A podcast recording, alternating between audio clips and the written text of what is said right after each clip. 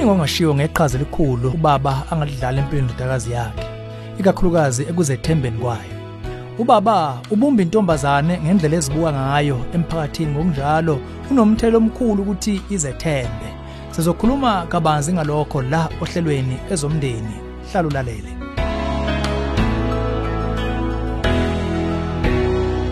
Ngiphinde ngikubingelele emlaleli. Ezomndeni uhlelo ukulethela izeluleko eziphathekayo ngabaka focus on the family. Sithola umbuzo ohlabe esikhonkosini kubaba obuze wathi Obaba bangasiza kanjani amadodakazi abo afundisa izotha Ngifuna indodakazi yami ikubambe lokhu phambi kokuba ibe yiteenager. Kodwa ngizwa kuseceleni kimi ukukhuluma ngalesi sihloko. Ngibona ukuthi njengoyise ngingaba lusizo kuyo kulesi sihloko kumbe ngibe ukuyidumaza ingazizwa kahle. Yiliphi iqhaza eliqondile kubaba la? Thina ke sithokozela ukuthi ubuzile. Kahlehle ubaba umelwe ukudlala iqhaza elinqala kuleso simo. Njengoba wazi ubuzali bomzali wobunye ubulili obukawa nendodakazi nokwamama nondodana busemqoka ekukhuliseni abasebancane ikakhulukazi ezigabeni zobubhungu nobutshitshi. Lokhu kuliqiniso futhi nxa zonke nokho kunomehlukonyana uma sekuziwa kwezobulili bengane ukugqoka ngesizotha. Nanto enye engaba ngodaba lomfana nentombazane kumbe lentombazane nomfana ezikhathini zobuteenager. Ubaba uneqhaza elikhulu ngondodakazi wakhe nasekutheneni ayithakasele ubulili bakhe nokumkhuthaza azizwe njengentokazi. Njengoba uchazile kukabili kule ngxenye ubaba usangamgquzela kumamenza abe nomuzwa ukuzenyeza akusho kuye ngokugqoka nokubuka kwakhe kusengamqhakambisa njengomuntu wesifazane kumbe kuchoboza umoya wakhe agcine semgodini okungazethembi. Ukwenza uhlobo nje lweqhaza kubiza ubuchule. Kusemqoka ukuqaphela ukuthi iqhaza lika baba lehluke kanjani kwelika mama sekuziwe ekufundiseni amantombazane ukugqoka.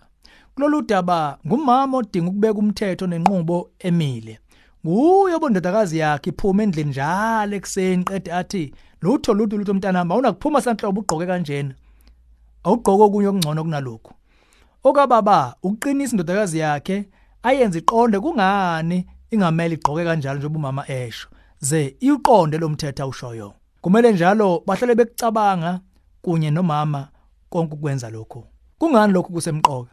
Ingoba intombazane idinga ukwazi ukuthi uyise uyayinakekela ndlela thizeni ayidingi kuzwa kakhulu ngalokho kumama.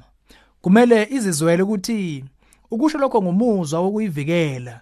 Kungabi sengathi ummisa ukugqoka kwakhe ngoba embona sengathi ungoyikhangisayo.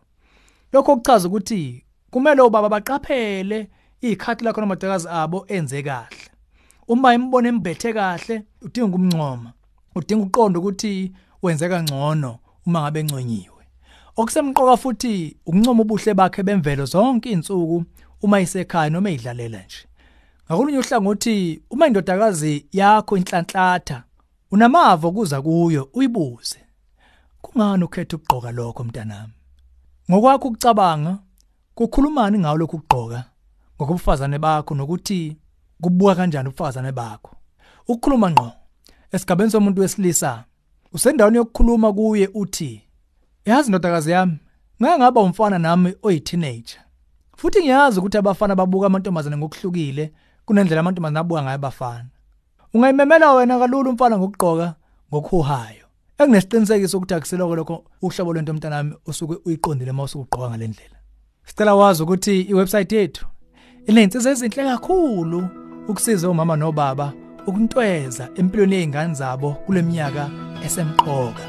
Ngena ku safamily.co.za ukuthola okudingayo. Lolu hlelo ezomndeni ulethulelwe yifocus on the family. Sihlangabezwa ohlelweni oluzayo.